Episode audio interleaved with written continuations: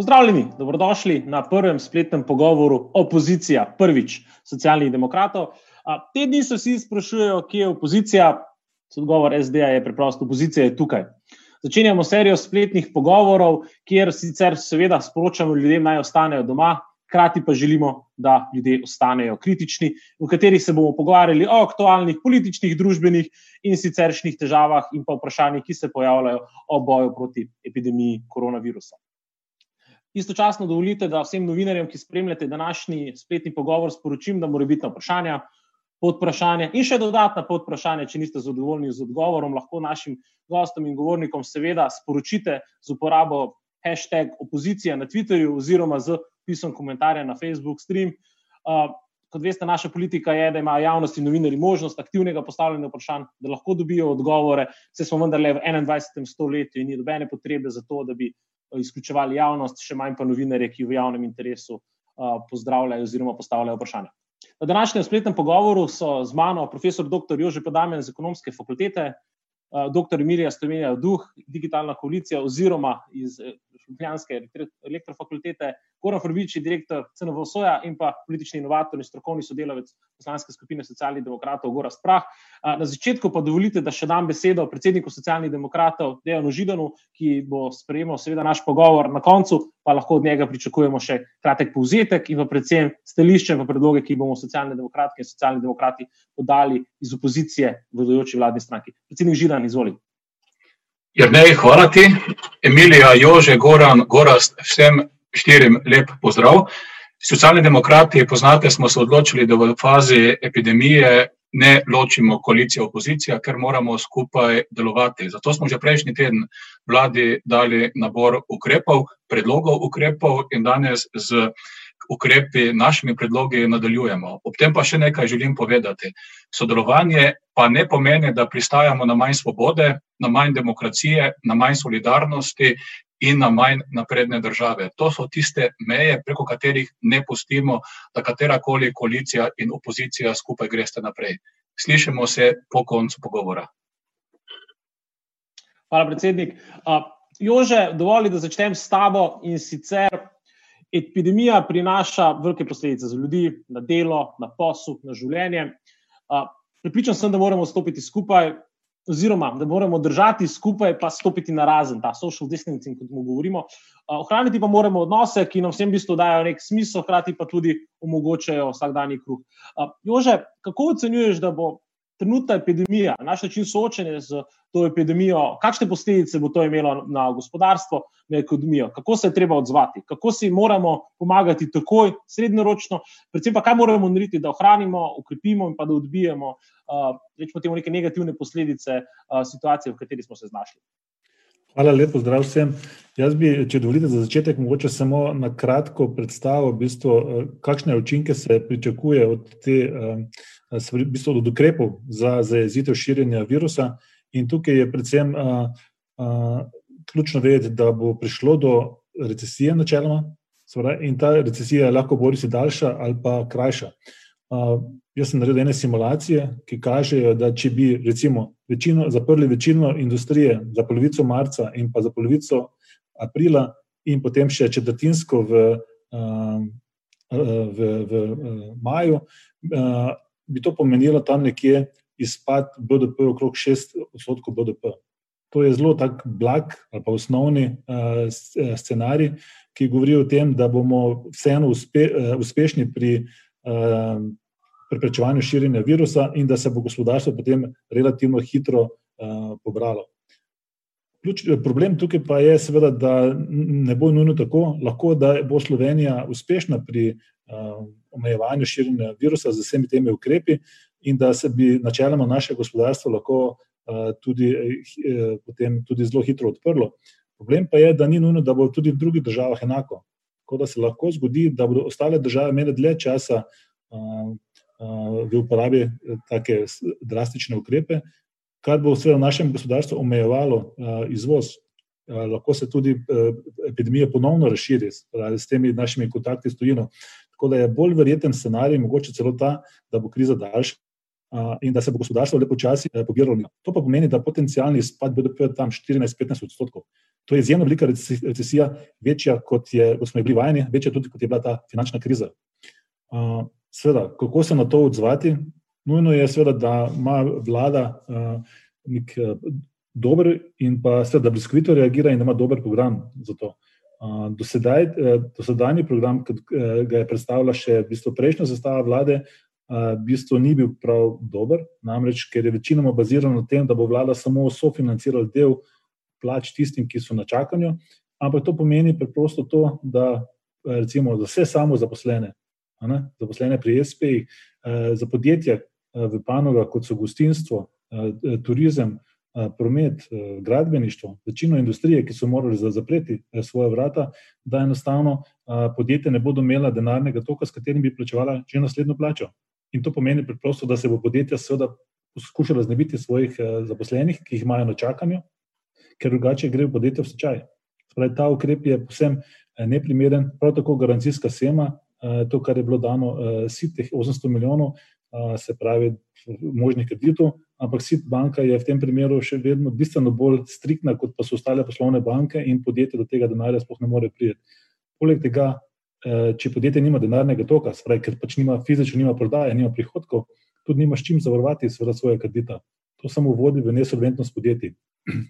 Zaradi tega sem jaz predlagal, Preden gremo na predloge, bi še zdaj prosil režijo ali pa našega tehničnega vodja, da zavrtimo en štiriminutni, par minutni posnetek strani Gorana Novkoviča z gospodarske zbornice, ki tudi v bistvu pokaže, kako konkretno slovensko gospodarstvo vidi posledice te epidemije, tega shutdowna, lockdowna, kakorkoli mu rečemo, in kakšne posledice bo to imelo tudi na, na BDP, pa na delovanje slovenskega gospodarstva in posledično seveda na družbo in uh, gospodarstvo. Tako da, dajmo si prosim posnetek pogledati. Lep pozdrav vsem skupaj. Ta hip je za Slovenijo in za svet, predvsem pa za Slovenijo, pomembno troje.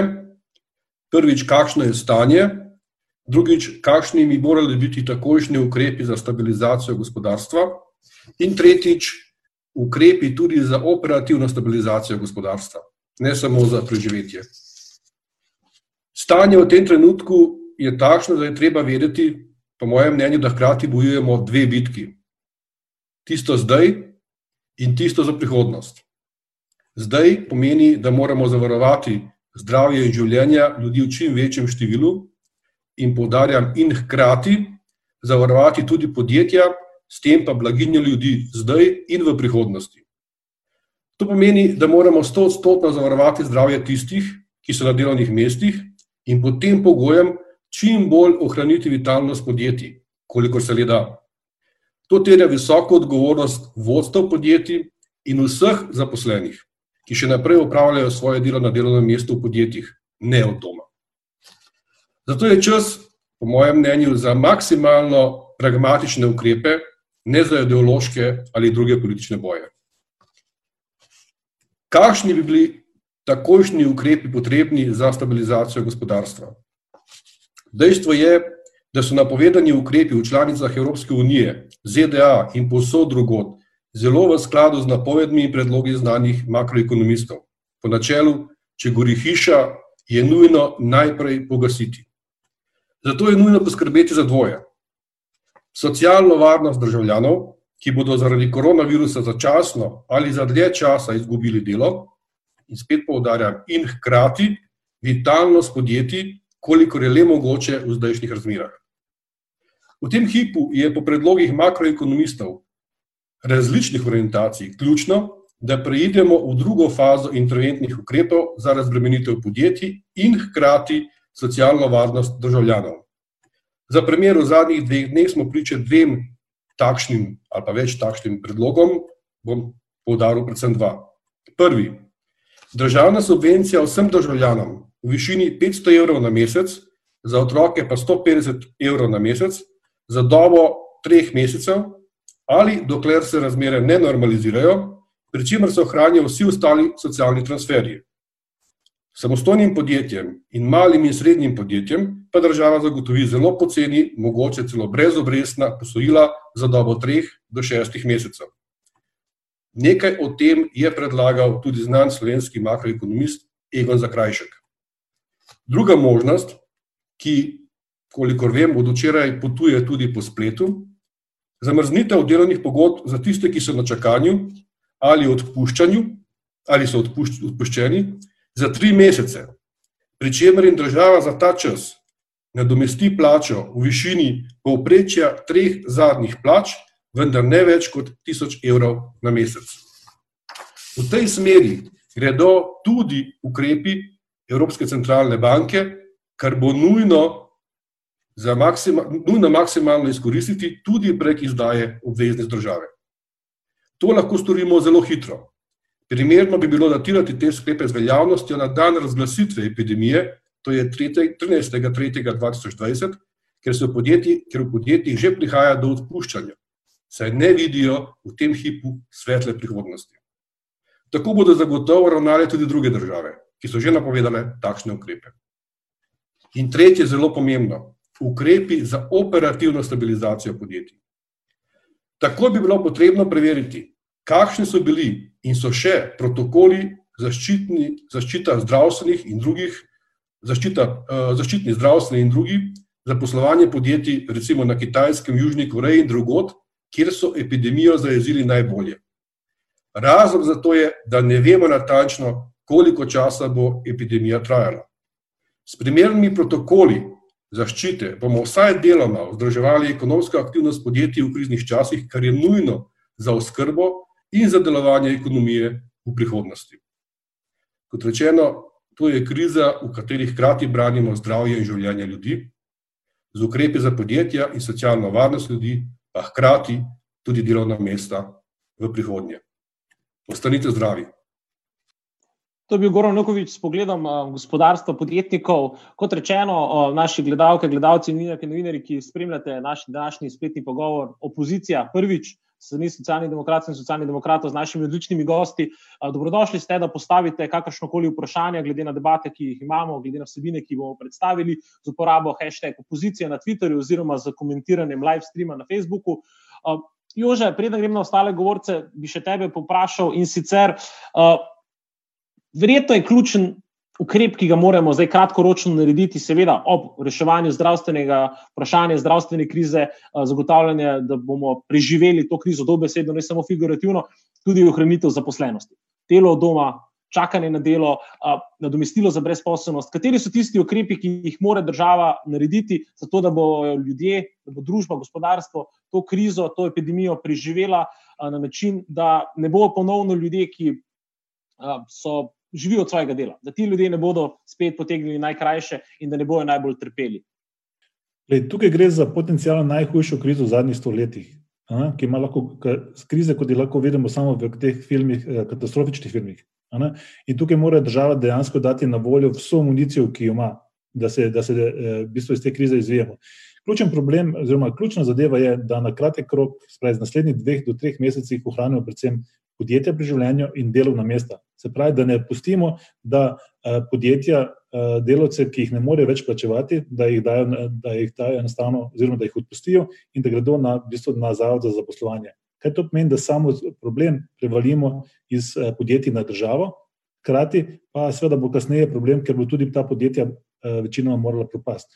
Dovolite, da te tukaj samo prekinem. Zdaj, vlada je Aktualna vlada je ena izmed prvih ukrepov, ki jih je naredila, je bila zamrznitev proračuna, eh, izvajanje proračuna, 400 milijonov so, so predstavili v tako imenovano proračunsko rezervo. A se ti zdi to smiselno, ali je nek, nek napol vrčevalni ukrep oziroma premestitveni ukrep zdaj bil potreben, ali bi bilo bolj potrebno oziroma bolj nujno nuditi nek fiskalni stimulus, kot je bil recimo Obamin odgovor na zadnjo krizo, ki pa očitno ni bila tako huda, kot je bi lahko bila sedaj.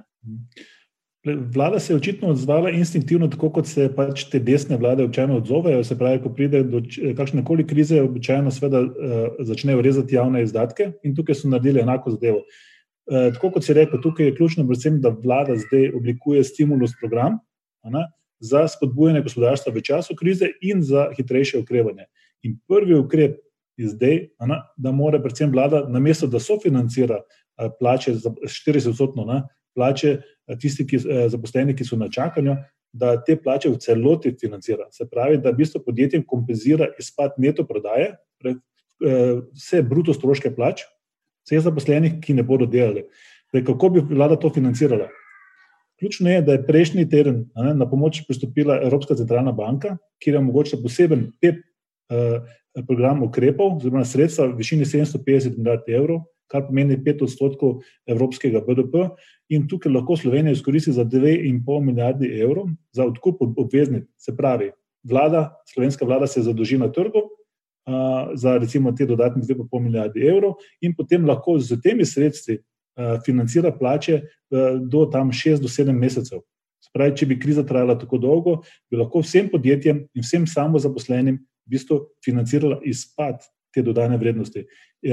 In seveda ta sredstva, ne, oziroma te obveznice, eh, bo odkupila eh, Banka Slovenije v okviru tega programa ECB in eh, tega denarja na koncu, kot boste videli, ne, ne bo treba nikoli vrniti. Se pravi, v bistvu gre za brezplačno pomoč. In kar je najlepše pri tem, ne samo to, da gre za brezplačno financirano spravi, izpada, izpada plač v, v naših podjetjih, predvsem je to, da če vlada naredi na ta način, da je financira izpad dodane vrednosti v podjetjih, ne, tehnično tudi ne pride do recesije, kajti v bistvu pri preračunu BDP ne, te subvencije podjetjem zamenjajo izpad dodane vrednosti v podjetjih in smo na enakem. Pravi, to je ključen ukrep. Kajti, če pa pride do paca eh, eh, BDP, to pa pomeni, da se bo tudi zmanjšala sredstva, ne, ki jih bomo imeli na voljo kasneje za druge programe.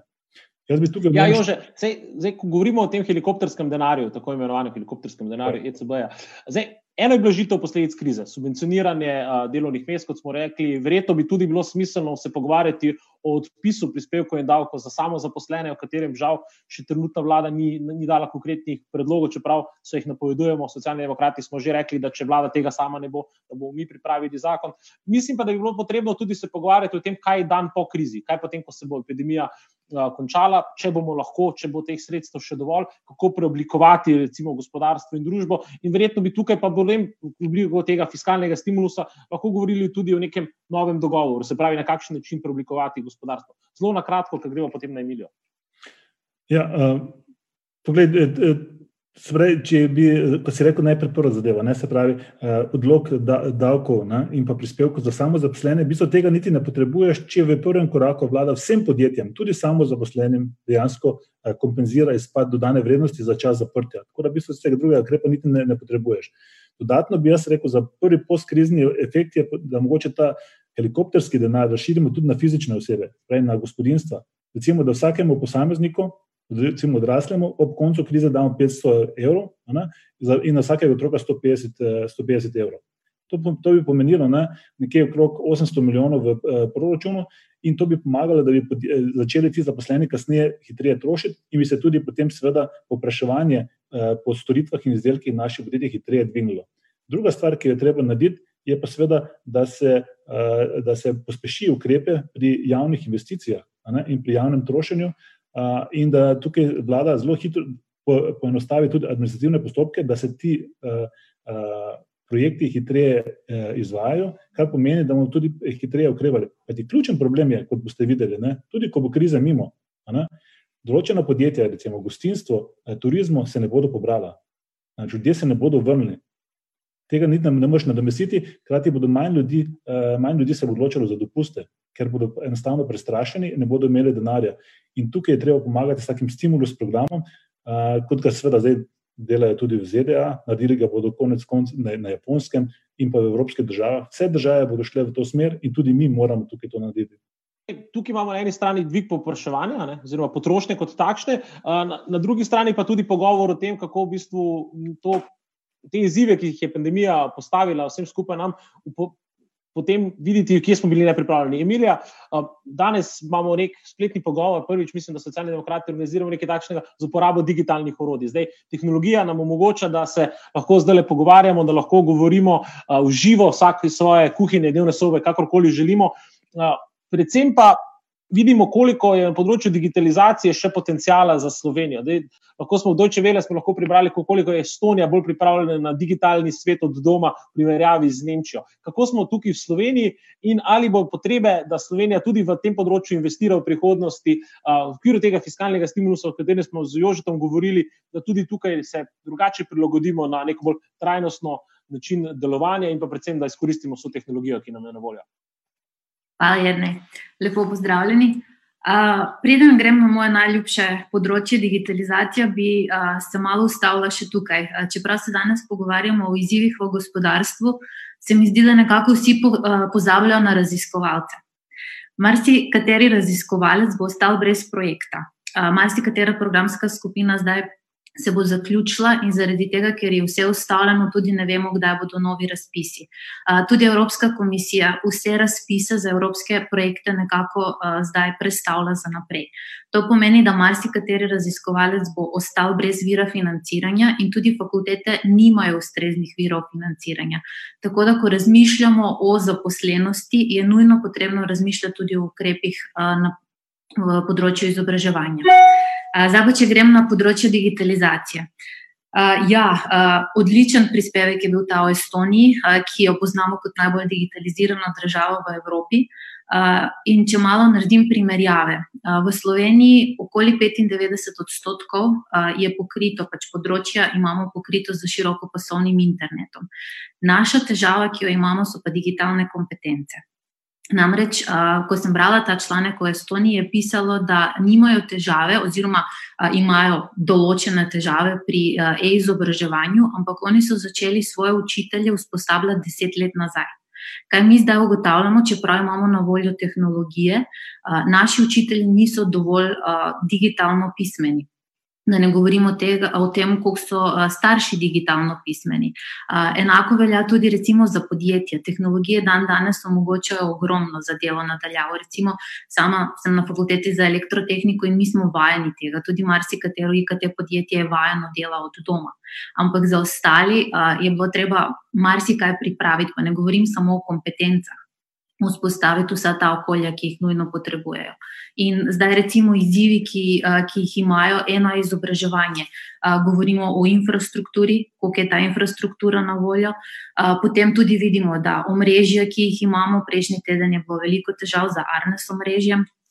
Potem, recimo, koliko digitalnih vsebin imamo na voljo, spremljamo, koliko je teh akcij, da marsikateri otrok doma enostavno nima opreme, čeprav govorimo o preprosti digitalni opremi, kot so računalniki, tablice in tako naprej.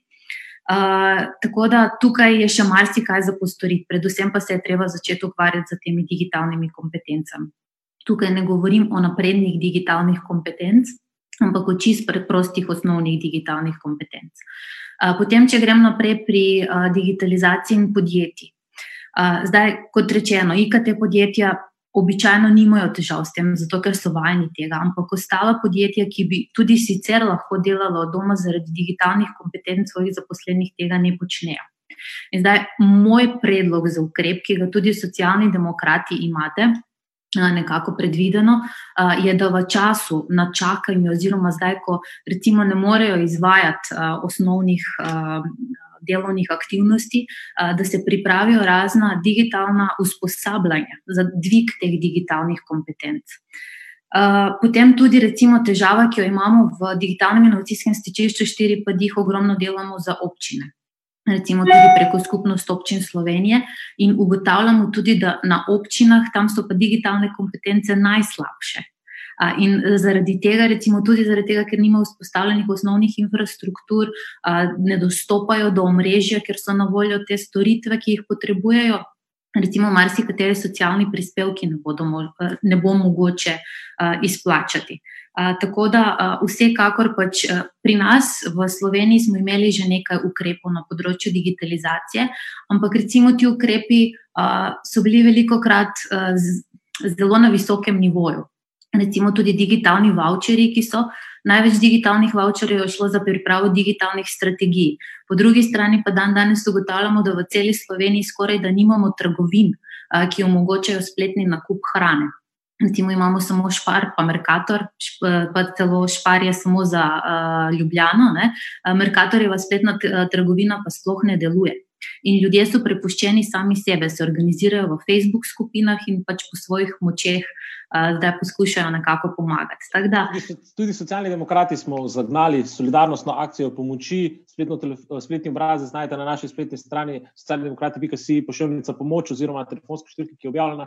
In prav to pomagamo. Ne? Prav neposredna pomoč, ko ljudje, ki ne morejo, ne upajo zaradi zdravstvenih razlogov ali kako drugače iz stanovanj, da jim pomagamo z, z nošenjem hrane. Recimo, zanimiva aplikacija, ki so jo ponudili Nemci, je bila pa, da si nakupil kupone naprej za svojo najljubšo restauracijo, bar, kakorkoli in jim s tem zagotovil nek prihodek. Zdaj, Emilija, zelo se strinjam s tabo, ko si rekla, da imamo problem tudi pri raziskovalcih, pa recimo v, na univerzah. Ne. Mene recimo je zelo strah, ko vidim neke tendence, da bojo spet za austerity politiko zarezali ravno v, v, v R&D, v znanost in razvoj, ki smo ga pod ministrom Pikalom močno ukrepili, ali pa v sredstva, ki jih namenjamo za študijsko dejavnost na univerzah, ker bi, tako kot je Jože rekel, mogoče to desnici bilo instinktivno odgovor, zagotovo je bilo pa slabo za dolgoročni razvoj družbe in napačen odziv na naše vprašanja.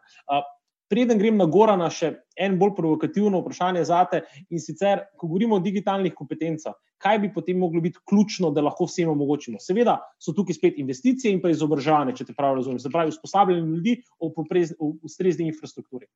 Absolutno usposabljanje, da vsi dobijo vsaj te osnovne digitalne kompetence, da vsak zna uporabljati digitalni podpis, da vsak zna uporabljati mobilno banko, da vsak zna uporabljati e-davke. Ker v Sloveniji, poleg tega, da imamo dobro pokritost z širokopasovnim internetom, tudi imamo marsikatero e-storitev, ki nam je na voljo.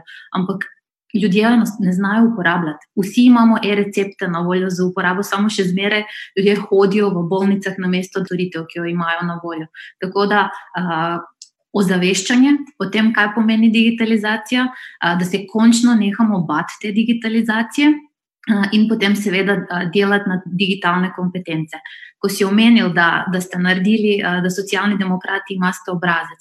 V štirih padih smo brezplačno naredili eno spletno stran, jo bomo v, te, v tem tednu tudi dali na voljo vsem, ker bomo povezali ponudnike storitev in tisti, ki pomoč potrebujejo. Ampak, recimo, to smo se mi lotili prostovoljno. Ne? Tukaj bi pričakovalo malo več strani države, neke koordinacije in da to pomaga vsem ostalim, namesto da jih prepušča, da se znajdejo, kakor zmorejo. Ja, gled, se, vidiš, država se pripravlja, enkrat je to vrnjak, pol to vrnjak, ni, enkrat se pogovarjajo s šoferjem, pol šoferja nikoli ni bilo. Pač odvisno od uh, posameznih izzivov, se pravi, tudi država. Pustimo en teden, še le, sedem, prvi sedem, nismo socialni demokrati na naši spletni strani tudi pokomentirali. Ampak, ko si govorila o digitalni pismenosti, bomo zelo uporabili en primer, ki je očitno določenim težavam nam v današnjem spletnem pogovoru. In sicer dobili smo vprašanje Miha Urešnika z Pop TV oziroma kanala A, ki prosim, če lahko pokomentiramo tako imenovani krizni dodatek za upokojence. Predlog je, da bi tisti z pokojnino 800 evrov ali manj. Dobili od 50 do 200 evrov dodatka, bi lahko pokomentirali. Goran, ti si veliko pisal že sedaj o potrebi za pomoč nevladnim organizacijam, ustanovam, društvom, zasebnim zavodom amandma, ki smo ga socialni demokrati skupaj z še parimi opozicijskimi strankami predlagali, tukaj ni naletel na polodna tla, tudi za samo zaposlene se ukrepi še obljubljajo, se še pripravljajo. Na eni strani pa tukaj sedaj imamo predlog za upokojence, za tistimi, ki imajo fiksni prihodek, kot rečeno, do 800 evrov, da bi dobili dodatek 50 do 200 evrov. Kako bi ti to pokomentiral? Ja, Živijo in hvala. Mislim, da ni uh, nič narobe, če nekdo, ki ima manj kot 800 evrov prihodka, oziroma vsi tisti, ki imajo 250, 350, 500 evrov uh, prihodka, če dobijo ta dodatek, ne glede na to, da se njihov prihodek uh, zaradi krize oziroma zaradi epidemije in ukrepov zoprnjo ne bo zmanjšal. Tako da z tega vidika. Eh, sam s tem posebnih težav nimam. Seveda smo že lahko brali, da gre predvsem za nek populistični eh, ukrep, ki si ga je zagotovila predsednica od eh, ene od koalicijskih strank, ampak kot pravim, glede na to, da bi obstajala neka meja. Če sem prav razumel, 800 evrov, lahko bi na zadnje bila tudi kaj manj, vem, 700, kot je meja revščine. In če ti ljudje dobijo dodatek, ne vidim težave, da ob 2,5 milijarde ali pa 7,5 milijarde, kot je prej eh, govoril eh, eh, kolega, denarja, ki bi ga namenili za obvladovanje krize, še del, manjši del tega namenimo upokojencev, ki prejemajo premalo denarja. Ampak verjetno se pa z mano strinjaš, oziroma bi te prosil, da pokomentiraš, da pa vsake primeru pa ne bi smeli recimo pozabiti na prekarce. Ne? Prekarci nimajo niti SP-ja, delajo po avtorskih in podjemnih pogodbah, nekateri so ostali brez kakršnega koli vira prihodka. Študente, marsikateri študent se preživlja recimo z delom v, v lokalih, ne? nimajo za položnico, ker so lokali zaprti, ne? ali pa kakšno drugo delo, vem, selitve, ki ga upravljajo študenti, pa številne druge priložnosti, ki jih upravljajo prek študentske napotnice, zdaj so pa ostali na nič prihodkov. Ne? Se pravi, verjetno se z mano strinjaš, da bi tudi tem ljudem nujno morali pomagati. Na zadnje, sicer smo zdaj študente poslali domov iz študentskih domov, uh, od kjerkoli so že prišli, ampak ljudje brez prihodkov bodo težko, ne vem, dva tedna, tri mesece, kako dolgo bo še ta epidemija trajala, preživeli. Drži, odgovor tu je enostaven. Pa, uh, prej je kolega Damien že povedal. Ne, kompenzirati je treba neto prihodek vsem, vsem, ki jih je kriza prizadela. Ne. Tako enostavno je ta uh, odgovor. Drži, prejšnji teden je uh, vlada ali pa parlament, ne na zadnje, no, uh, koalicija v njem pozabil na en velik segment uh, uh, ljudi, um, poslovnih subjektov, ne na zadnje, zajeli so zgolj uh, gospodarstvo. Pričakujemo, da v tem tednu pripravi super korona. Zakona vendarle to napako popravijo, in da se kompenzacije predvidejo tudi za samozaposlene, za samostojne poklice, ne nazadnje za nevladne organizacije, za vse tiste, ki so delali po takšnih ali drugačnih pogodbah o delu, študente, kot se omenil.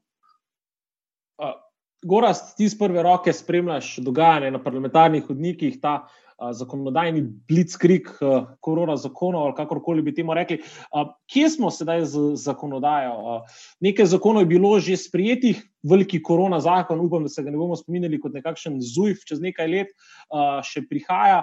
Kako se moramo odzvati kot družba? Zdaj vem, da predlogi za odpis, ne samo odlog prispevkov in tako za, za SP, ni bil sprejet, kot smo ga predlagali, ali se bi morali v različnih fazah različno odzivati, kje smo trenutno z predlaganimi ukrepi in kakšne so možne rešitve, da bi to krizo preživeli kot socialno povezani in pa tudi kot neka solidarna družba.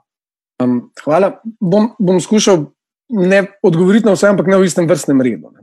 Namreč, ena stvar se mi zdi pomembna upozoriti in je mogoče tudi vidna iz predlogov, ki smo jih socialni demokrati že prejšnji teden uh, posredovali na sestanku um, Sveta za nacionalno varnost. Ne. Namreč, mnogi zdaj primerjajo situacijo z vojno, pa je bolj primerljiva s požarom ali pa poplavo. In je treba opozoriti, da vendarle hiša še gori. In preden delamo načrte za obnovo ali pa prenovo ali pa dozidavo prizidkov, ne, vendarle mi še imamo ene ljudi za rešiti, na katere se je trenutno um, še pozabilo, tako ste zdaj že vas je par tudi omenili. Če zdaj se vrnem na tisto, kar je trenutno, če lahko komentiram, to, kar je trenutno do zdaj vlada prinesla v parlament in tudi dosegla sprejetje, so to bili štirje uh, zakoni. Tri od njih, definitivno, s precej velikimi posledicami na to. Ne. Skušal sem nasloviti čakanje na delo, kjer delim kritiko, da očitno ni dovolj, uh, zlasti ne za tiste, ki se jim je popolnoma prekinil uh, um, tok dohodkov. Uh, druga stvar, je ena nerazumna delitev delodajalcev na tržne in na netržne. Ne? Uh, in zato, morda, uh, če, smem, če smem pokazati eno zadevo, ki sem jo skušal narisati, narejena, narejena je pa na roke, brez zamere, ker smo pač v rahlo nenavadnih situacijah. Ne? Uh, če vidite to na ekranu, jaz sem poskušal zrisati na levi strani vse, kakšne vrste delodajalci so in vse, kaj se jim lahko zgodi, ne?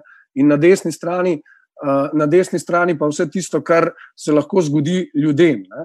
In zdaj ne pozabiti, da imamo ene ljudi, ki imajo zelo, zelo omejeno aktivnost, takih nas je tako ali drugače večina in se moramo zdaj prilagajati ali skrajšanim časom, delom na domu, čakanjem in tako naprej. Enako velja za podjetja. Obstaja en, en segment, del profitnega, del neprofitnega sektorja, ki je trenutno izjemno nadobremenjen, ker je trenutno popraševanje po tistem, kar sicer ponuja velikansko, oni imajo pa težave in z dobavo, in z delavci, in zaščito in vsem ostalim. In pa obstaja en pomemben segment, ki je pa iz takih ali drugačnih razlogov popolnoma, popolnoma ustavljen. In tega zdaj trenutno to najbolj, ta sektor to trenutno najbolj boli. In zdaj, po mojem mnenju, in tudi mislim, da je to tudi skladno z, z, z tem, kako smo ukrepali, ne, se bi moral najprej vrniti nazaj na to, ne, da to, kar jaz sem recimo danes najdel, tole, kar zdaj vidite na ekranu. Ne. Vsi pravijo, vsi strokovnjaki pravijo, da to, kar nas čaka, ne bo kratko. To lahko traja, In zato, da bi se izognili kasnejšim virom okužb, okužb se lahko ukrepi ponavljajo še zelo dolgo. Kar pomeni, mi bomo s tem živeli in kakršen koli stimulativni paket bomo dali, bo moral biti. Bo moral biti učinkovit in vsekakor tudi pri tako velikih sredstvih, kot so bila prej omenjena iz ECB-jevega sklada, lahko hitro poidejo, če bo prilagoditev dal.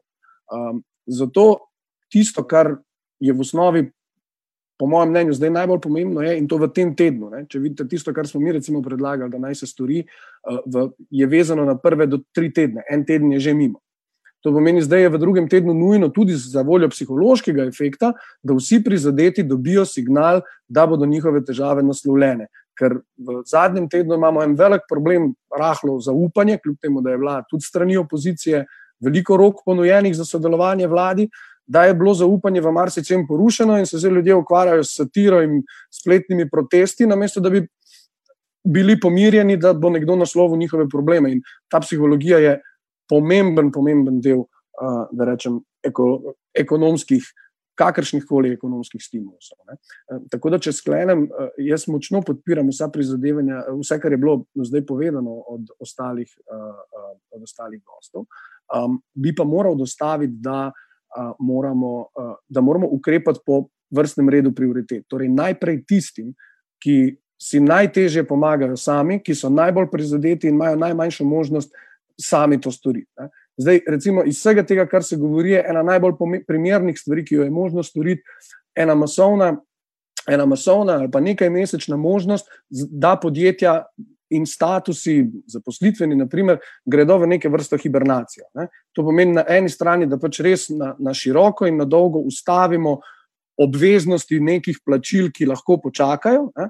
Vendar, opozarjam, to ne bo dovolj za tiste, ki jim je prekinjen likvidnostni krč. Tisti pa potrebujejo denar zdaj, birokracijo pa potem. Zdaj zagotovilo, da bo, da bo likvidnost poplačena, da bo krvotok gospodarstva naprej tekel in da bomo na neki točki, da bomo pa na neki točki potem naknadno pogledali, komu zdaj odpustimo vse, kdo bo pa mogoče moral, ali pa je pravilno in primerno, da tudi uh, deli uh, nekaj bremen. Ne? Ker če ne bomo delili bremen in če bomo kar vse poprek uh, delili tisto, kar nam je, kar nam je na voljo, uh, znamo imeti imet predvsej hude težave. Ne? Tako da pomoč tistim, ki jo rabijo, prva pomoč naj bo prva, uh, uh, in drugo, dajmo birokracijo umakniti, pomoči, tretje pa ostati še vedno učinkoviti. Ne? Če se pogovarjamo danes o ekonomiji, ne pozabiti, ekonomija v osnovi je vedela o tem, kako naj učinkovito porabimo resurse. In če kdaj to rabimo zdaj. Ja, vse tale pomoč tistemu, ki jo potrebuje, je v bistvu zelo, zelo tak pomenljiv slogan, lahko bi vsem skupaj. Uh, Goran, ko je Goran govoril o neki, neki vprašanjih, v bistvu psihologije. Ne, uh, Ali obstaja nek strah, da bi se lahko ta kriza, kot še katera kriza prej, uporabila tudi za politične namene, recimo za obračun z nevladnimi organizacijami? Zdaj, iz prvega paketa zakona ste NVO-ji žal izpadli. Kako bi to komentiral? Verjetno nismo pripravljeni nekim soboščinam demokraciji in družbenim razvoju se odpovedati zaradi tega, ker je prišlo do krize. Ne se zadnje tudi to, da bo vlada prosto prerasporejala proračun, zna srednjeročne biti relativno problematična zadeva. Uh mislim, drži. Ne, zgodovine je jasno, da dobena oblast ni imuna na zlorabe in da so krize, takšne kot je ta, skratka, zdravstvene, ekološke, naravne, ne na zadnje, lepa priložnost za zlorabo oblasti. Strah seveda obstaja tudi zato, ker že imamo dve izkušnji z vlado pod istim premjerjem in tudi takrat v resnici smo lahko gledali nekaj tendence, protidemokratične tendence, če rečem najbolj nasplošno. Zdaj drži, kot si rekel, ne, prejšnji teden smo nevladne organizacije izpadle tudi iz ukrepov, čeprav vendarle ne, takrat mislim, da prehitro bi bilo obsojati, da je to za voljo tega, ker je vem, premier, njegova stranka, največja stranka ali kdorkoli vzel na piko nevladne organizacije, vendarle mislim, da je tisti ukrep bil delno uh, ne dovolj premišljen, zato ker se je z njim hitelo in zato ker je v resnici prišel iz Ministrstva za gospodarstvo. Uh, Ministrstvo za delo pa je v resnici zadevo zgolj povzelo, hitro obravnavalo in poskušalo uh, spraviti čim prej skozi. Ne glede na to, no, pa se mi zdi, da. Vsi moramo biti pozorni, ne? neke napovedi so, ki verjetno niso všeč nikomor. Ne? Govorilo se je o, o, o, o, o podelitvi policijskih pooblastil vojske, pri čemer ne vem, če je takrat notranji minister v tistem trenutku sploh vedel, da mu zakon o obrambi tako ali tako dopušča vojsko uh, poslati samo na meje, ne, ne pa v notranje države, pa ne glede. Ne. Mislim, da moramo vsi tukaj uh, jas, jasno ustrajati, da so dopuščeni samo tisti ukrepi, ki so nujni. Če sem govoril o vojski, naprimer, zgolj takrat, ko bo postalo evidentno in očitno, da policija uh, ne more več ne vem, ustaviti vala migrantov, ki ga v resnici ni.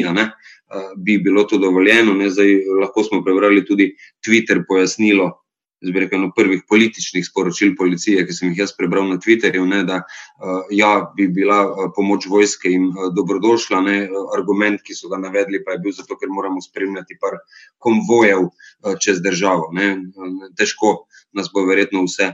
Ali pa kogarkoli, ne na zadnje, ne, to, da mora policija spremljati nekaj več konvojev, ki jih ne na zadnje izredne prevoze pogosto spremlja, ne, da je pripeljalo do stanja, da zaradi tega v državi v notranjosti primankuje policistov, da jih je treba premakniti z mej in na meje postaviti a, a, vojsko. Ne. Zdaj, podobno v resnici se v luči te ne vem, neke zgodovine, izkušenj z tem premjerem lahko bere ne sprememba novinarskih konferenc, neki povejmo jasno, niso več novinarske konference, ne pač pa sporočila za javnost ali pa izjave za javnost. Ne.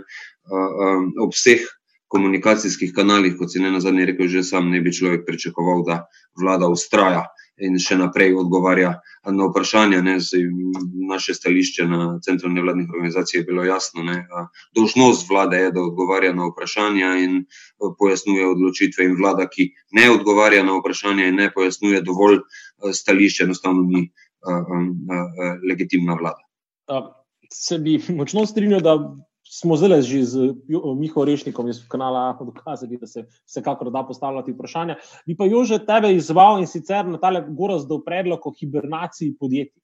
Ne, ali bi to bila ena izmed takšnih rešitev, ki bi nagovorila te izzive, o katerih si ti govoril, in tako premostila uh, to epidemijo, da za čas po koncu te medical emergency, da bi potem lahko ne izgubili podjetja. Zdaj, če samo pogledamo porast na mladih podjetjih, pika si, kako zapreti SP, vidimo, da je to strašanski v bistvu naval ljudi, potem ko je bilo rečeno, da jim bojo. Prispevke, na mesto, da bi jih odpisali, ker pač nimajo prihodkov, da jim bodo prolongirali na 24-mesečni kredit. Ali bi ta možnost hibernacije podjetij reševala na eni strani podjetja, na drugi strani, na drugi strani seveda tudi zaposlenost? In um, kako še mimo grede komentiraš to, da si je proračun vlada v bistvu podredila, oziroma da je koalicija v parlamentu dovolila vladi prosto razpolaganje s proračunom? To je verjetno nekaj, kar bi si vsak uh, finančni minister tako ali drugače želel. Ja, ble, ključno je, predvsem zdaj na kratek rok, eh, bliskovito ukrepanje in drugič, eh, zelo dobro komuniciranje teh ukrepov. Se pravi, vlada bi se morala v tem trenutku odločiti, in, eh, ko bo ta teden sprejela te ukrepe, eh, predvsem to, da pomaga vsem podjetjem, vsem sam in tudi samo zaposlenim. In da je v tem paketu pomoči, da so odnotraj tudi mladi in pa prekarci. In seveda mora predvsem skomunicirati to, da nihče v tej krizi ne bo ostal brez pomoči države, pravi, da bo država vsem nadomestila izpad dohodka tem, v tem primeru bi seveda prišlo tudi do tega, da ne bi več eh, ljudje panično zapirali svojih SP-ov, ker se bojijo plačevanja svojih prispevkov. Hkrati bi morala vlada povedati, da s tem, ko bo eh, v bistvu nadomestila izpad njihovega dohodka, da se hkrati tudi odloži plačilo prispevkov in da jih bodo eh, seveda vsa podjetja, tudi ta mala, plačala kasneje. In še eno stvar, vlada mora tudi skomunicirati, da se v času eh, tega, uh, teh ukrepov oziroma te krize, ne, uh, da pride do moratorija prvič na plačilo uh, bančnih kreditov, oziroma poplačilo kreditov, in drugič na, tudi do moratorija glede stečajev. Se pravi, da v tem času upniki ne vlagajo uh, na sodišču ne, predlogov za uh, stečaj podjetij, tisti, ki ne morejo plačevati. In da tudi FURS tega ne dela. To je, zelo, to je zelo ključno, da v tem času ohranimo gospodarstvo in da ohranimo zaposlenost v vseh podjetjih, in da zagotovimo socialno varnost, predvsem tistim, ki so najbolj ranljivi tukaj. Ne. To so predvsem prekarci in pa seveda samo zaposleni. Kar se tiče proračuna, da je to ja. Mokre sanje vsakega finančnega ministra. Ne, v tem primeru, pač, glede na krizne razmere, so, je bila koalicija zelo naklonjena temu ne, in je dala v bistvu bjanko menico finančnemu ministru oziroma vladi. Vprašanje je, seveda, tukaj je predvsem je ključno, ne, da opozicija še vedno vrši eh, nadzor nad tem, kontrolo nad tem, da ne bo prihajala seveda do zlorabe tega, se pravi, za, a, predvsem za netransparentno trošenje denarja. Namreč po informacijah, ki jih dobivamo, ne, je v bistvu. Uh, gre predvsem pri teh urgentnih nabavah, trenutno, se pravi, medicinske opreme, pa recimo, uh, pri, pri pomočku za dihanje, ne, respiratorje, ventilatorje, ne, do zelo dragih nakupov, ki so nekajkrat dražji od tistih, kar je trenutno obstaja kar obstaja ponudba na trgu. Tukaj je treba zagotoviti transparentnost. Ja, in nekakšnih vojnih dobičkov, verjamem, da se nihče ne želi, oziroma da jih dobe noče. In tukaj v bistvu nas je bilo vse, v bistvu, po mojem, kar fajn streslo, ko smo videli, da bi tudi naj erar, oziroma nekdani so podatki, ampak koliko razumem, je to zdaj bilo nazaj vzpostavljeno. Uh, Gorast, kako komentiraš, uh, profesor, odziv na to hibernacijo? Mi je všeč, da smo podobnih misli tako da bi temu kvečemu kaj dodal, ničemu ni za nasprotovati. Morda samo ponoviti, da imamo v tem trenutku podjetja in delodajalce in ljudi v izjemno, izjemno različnih situacijah, in da če je kdaj čas zdaj za empatijo, da razumemo, v kakšni situaciji so se znašli, je to zdaj. Da bomo lahko imeli empatičen odziv, da bo, da bo ustrezen, če bomo lahko pomagali tistmu s tistim, kar potrebuje. Hibernacija ni ustrezna za vse, ker nekatera podjetja se ne bodo ugasnila. Ne?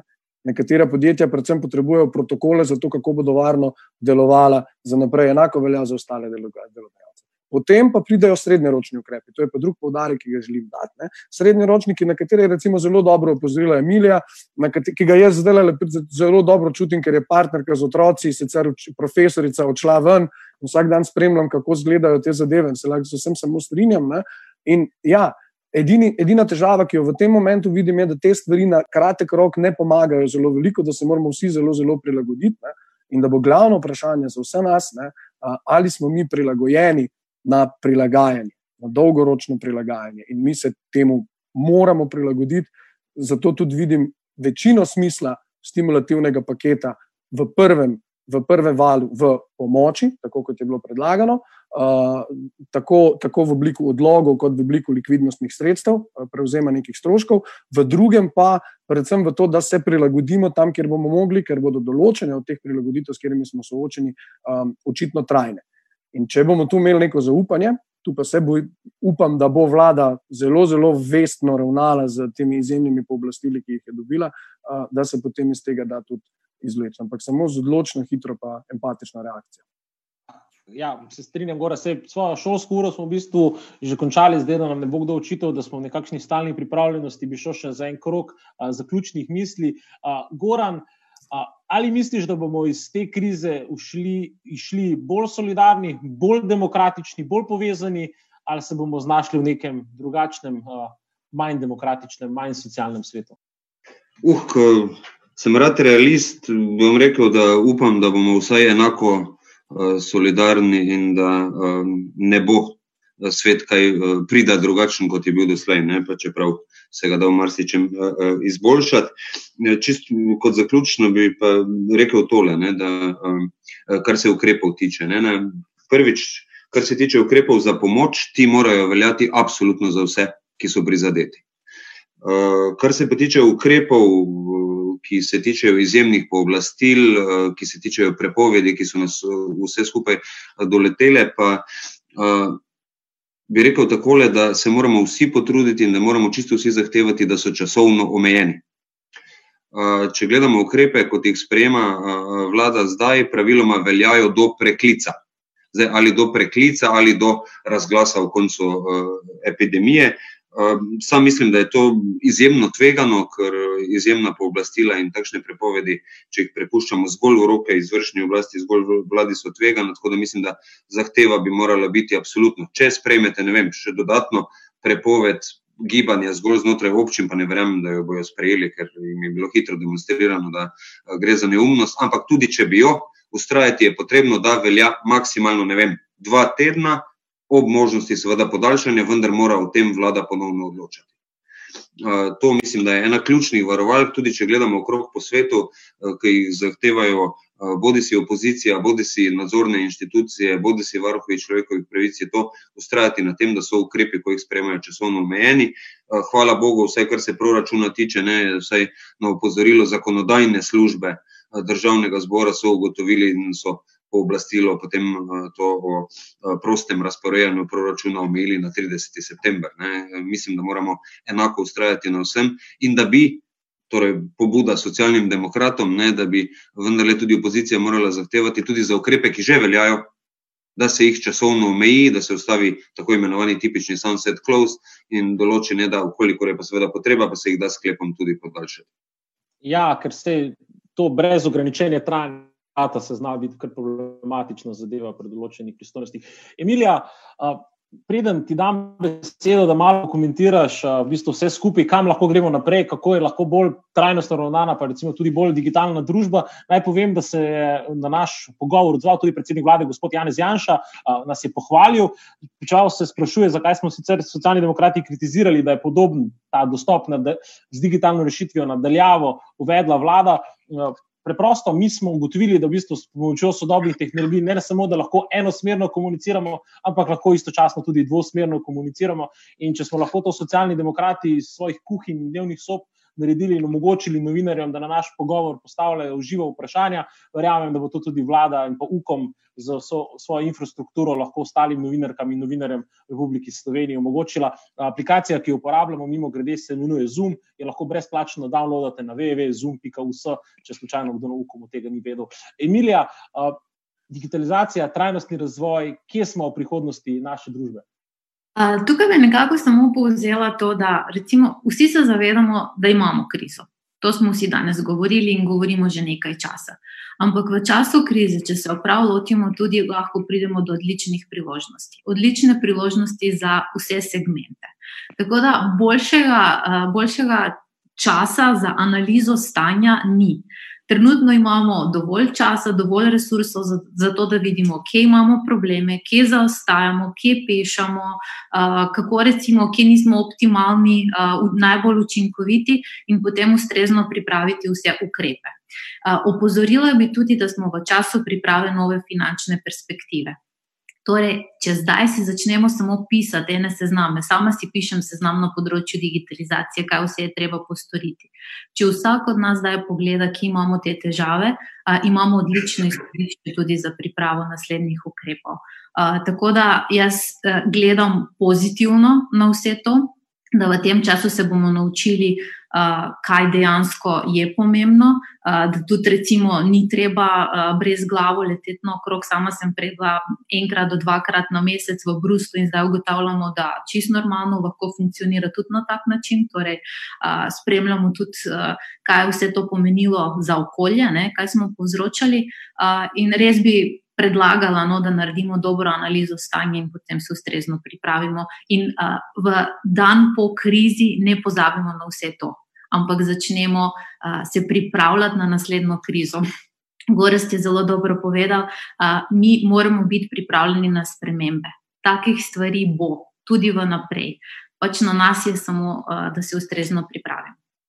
Ja, sej to, da so krize v kapitalizmu ciklične, mislim, da ni treba ponavljati, ampak upajmo, da bo pa podobnih zdravstvenih in pa drugačnih kriz uh, čim manj. Bi se pa močno strinjal s tabo, da pa zdaj, ko smo vsi doma za svojimi digitalnimi napravami, da pa za neko digitalno demokracijo, za več crowdsourcinga, informacij, idej, uh, um, predlogov, v končni fazi je pa zagotovo, uh, če ne drugega, imamo vsi kar nekaj časa in ga lahko tudi temu nekemu digitalnemu, aktivnemu državljanstvu uh, namenimo. In to, da pripravljaš predloge, to mislim, da smo lahko vsi veseli in da lahko pozdravljamo. Bi pa še gorast, uh, tebe prosim najprej, da ugasneš uh, tale svoj PowerPoint, potem bi pa še Jožetu za konec dal besedo in ga povprašal.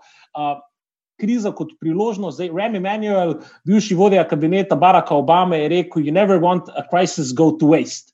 Zdaj, krizo imamo, pa če nam je všeč ali ne, kako jo lahko najbolje izkoristimo. Na eni strani, seveda, smo danes govorili o tem, kako preživeti, kako jo rešiti, to najbolj emergency, ta zdravstveni namen, drugi pa, zdaj, Emilija je rekla, da smo zmanjšali oglični vtis, kar se potovanja v Bruselj, pa še kam drugam tiče. Verjetno zdaj čist lifestyle ne bomo spremenili, upam, da ne bomo vsi dolgoročno delali nekih zelo veci papirja ali pa če še česa drugega.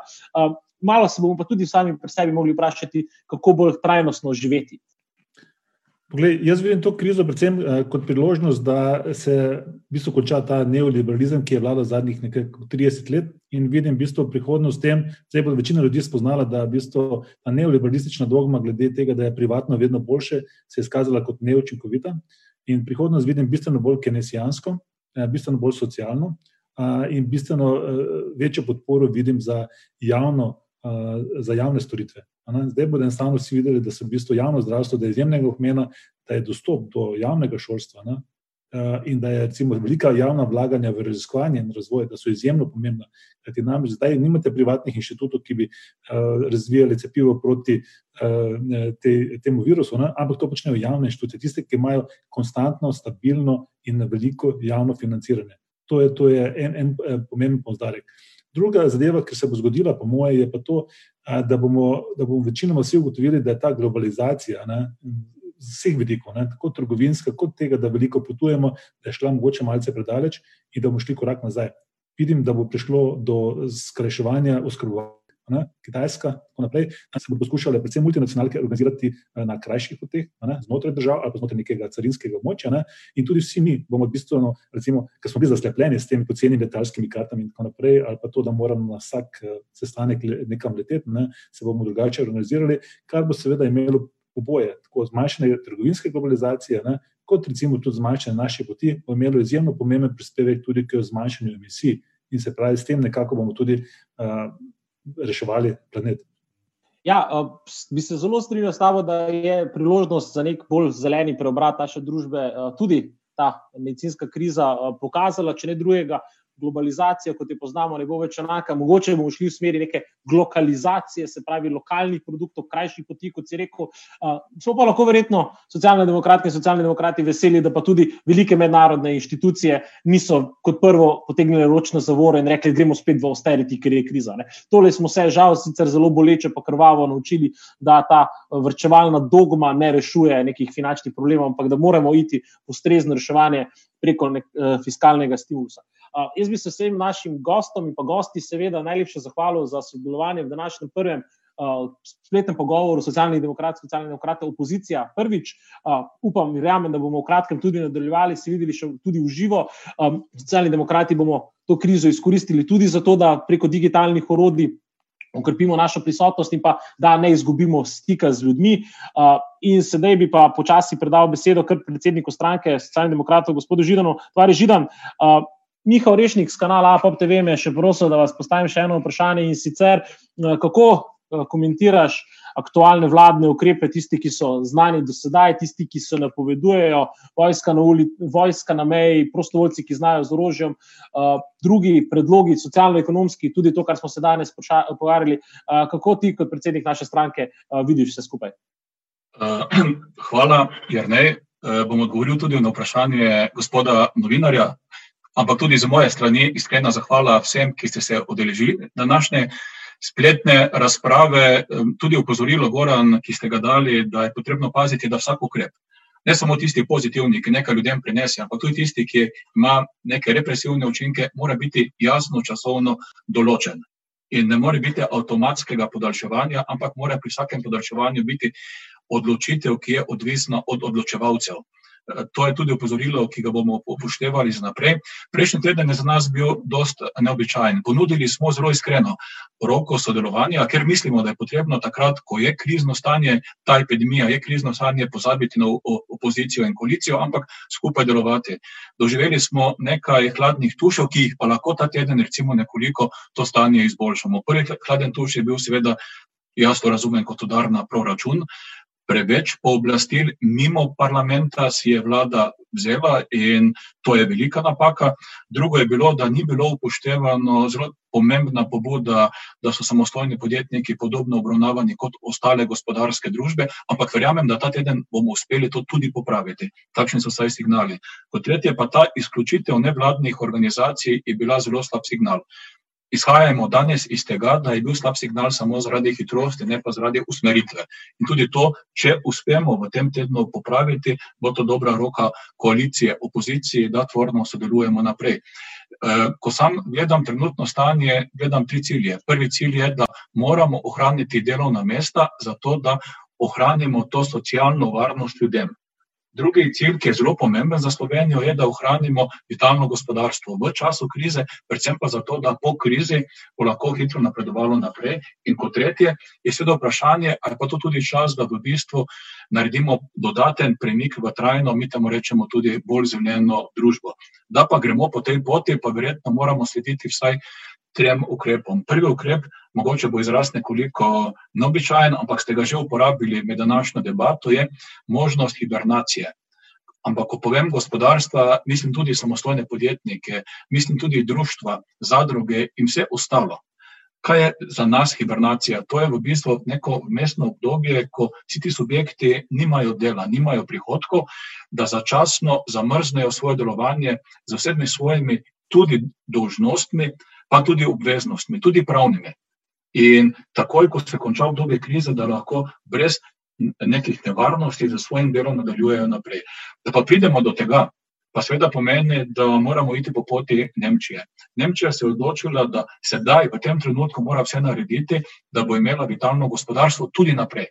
In kaj je v praksi naredila? Odločila se je, da bo 10% svojega bruto domačega proizvoda namenila za to, da normalizira razmere. Če pogledamo slovensko Slovenijo, je to približno 5 milijard evrov, od tega lahko dobimo približno 2,5 milijardi, to je 5 odstotkov bruto domačega proizvoda, tako imenovanega, izraz je seveda zelo neobičajen, helikopterskega denarja. Sedaj je čas, da ta denar porabimo tudi za to, da vsak, ki v tem trenutku nima dela, dobi 100 odstotno bruto refundacijo za strani javnih financ. To je izjemno pomembno in jaz se strinjam z tem, kar je govoril gospod profesor, da če to sedaj naredimo, mi v bistvu damo signal, hkrati pa tudi ohranimo vse, kar je potrebno ohraniti. Hkrati pa del tega denarja potem uporabimo tudi za likvidnost in del tega denarja uporabimo tudi za nove načrte. Tako da v tem trenutku se že kaže, v katero smer lahko gremo. Pa mogoče kot zanimivost, jer ne, te dni komuniciramo seveda tudi prvaki socialno-demokratskih strank po vsej Evropi in prva, ki je pričela pripravljati načrt, kako se naj živi po, torej kako se naj živi po krizi, je bila naša sestrska stranka v Italiji, kar je tudi razumljivo, ker je v nekem trenutku bilo stanje tam najtežje in ta novi načrt temelji pa tudi na tem, da pridemo do bolj trajnostne, bolj zelene Evrope in da hkrati ohranimo demokracijo in razvijamo.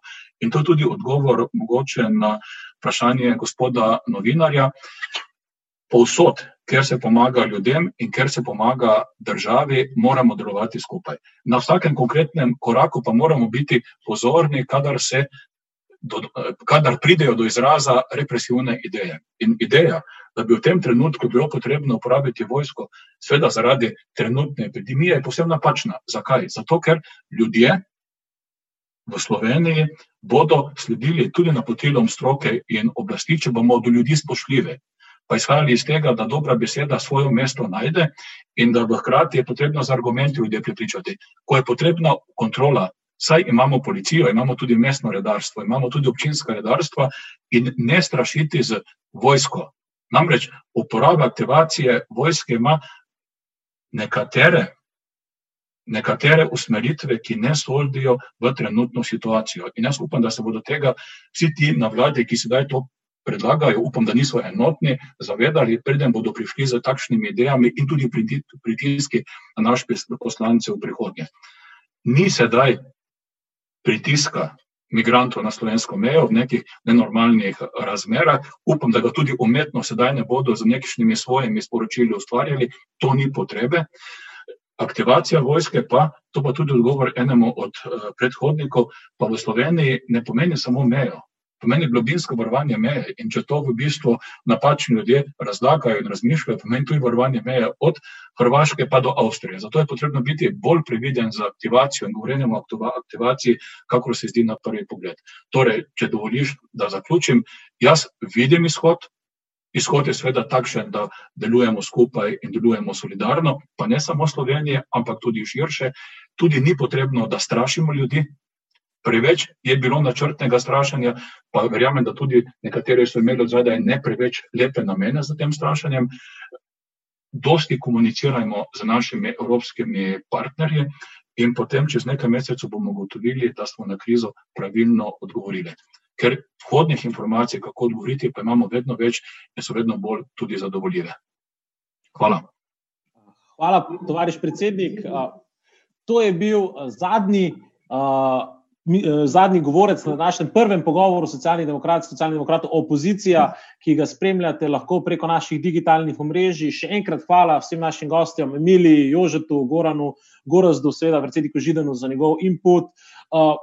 Vesel sem, da smo danes začeli, verjamem, da se bomo v kratkem ponovno pogovarjali. Tudi en zanimiv komentar smo dobili in sicer, da BDP ne bi več smelo biti jasno merilo uspeha, saj očitno zanemarja okolje. Drži, bolj trajnostno, bolj zeleno, bo zagotovo nekaj, o čemer bomo se morali pogovarjati. Hkrati pa, seveda, vse veste, tudi kar se sreče tiče, lahko rečemo, da si jo ne moreš ustvariti sam, ampak lahko ustvarimo. Mislim, sreče ti ne more dati nihče, ne država, ne partija. Ustvari si jo lahko samo sam, ampak ne sam kot posameznik, ampak sam kot del skupnosti. In mislim, da je ta. Kriza tudi pokazala, da moramo znati stopiti skupaj, da moramo znati sodelovati in ustanite zdravi ter srečno. Socialna demokracija v Sloveniji, v Evropi in v svetu. Kako jo spremenjati, da ostane in postane odgovor na izzive 21. stoletja? Spremljaj podcast na socialnidemokrati.si. Naprej.